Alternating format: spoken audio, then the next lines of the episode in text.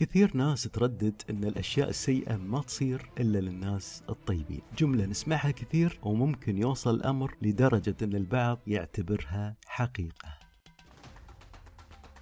حياكم الله أنا عارف عمر ومعكم حلقة جديدة من فنر.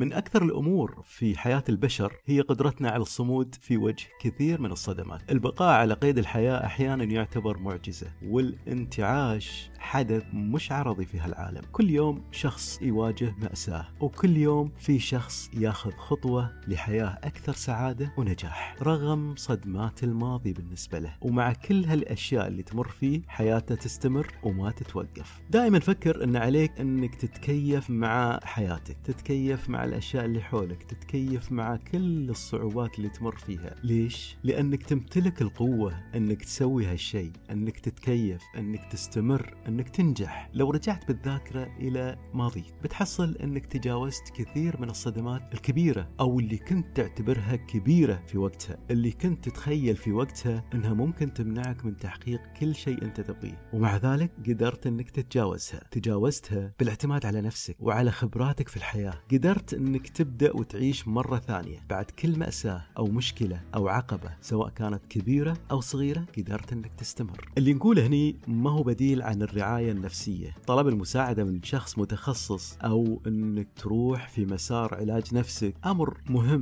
وكثير من الناس ممكن يعيبون عليه. لكن هذا الشيء حاول أنك تخليه واقع في حياتك. العلاج النفسي شيء طبيعي. مراجعة مستشار أو مختص شيء طبيعي عشان تتجاوز كثير من الأزمات تحتاج نصيحة من شخص متخصص. في كثير من التقنيات والوسائل اللي ممكن تساعدك على تحرير نفسك من أي صدمة تمر فيها. وإذا ما كانت هالطريقة أو الوسيلة اللي اخترتها مريحة لك وجيدة بكل بساطة ممكن أنك تنتقل إلى خيار آخر. مثلا ممكن يكون الضحك من أفضل الأدوية للصدمات والمشكلات البسيطة. إذا كنت قادر أنك تشوف الوضع من زوايا مختلفة وبعقل واتزان وموضوعية ممكن أنك تكون قادر على الضحك. أو على الأقل أنك تسلح نفسك وتقوي نفسك باللي يكفيك من المعرفة عشان توصل أنك تتخطى هالشيء. في طريقتين لأنك تتبع هالأسلوب. الأولى أنك تستخدم خيالك يعني تتخيل سيناريوهات أسوأ من هالشيء اللي أنت فيه. مثلا إذا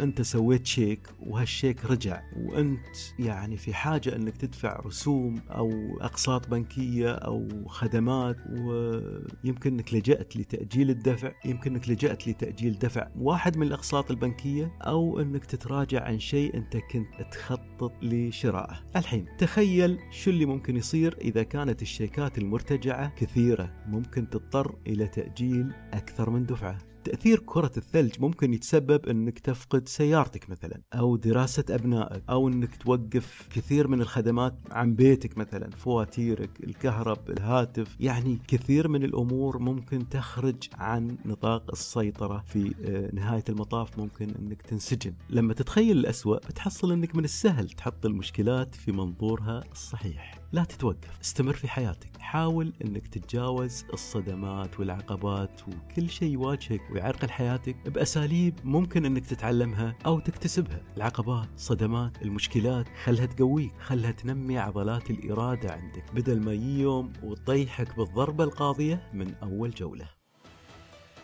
ألقاكم في حلقة جديدة من فنر.